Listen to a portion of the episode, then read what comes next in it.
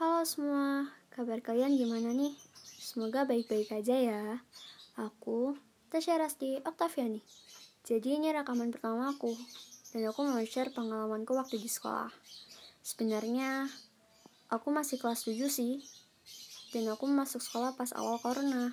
Semoga kita sehat selalu dan terhindar dari virus itu. Amin.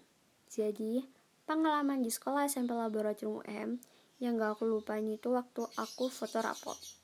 Dan itu pertama kali aku ke sekolah dan ketemu sama teman-teman aku. I was very happy that time of day guys. Ya walaupun aku hanya bertemu sebagian aja sih. Hahaha. Kalau cerita kalian gimana nih? Ceritain dong. See you next time.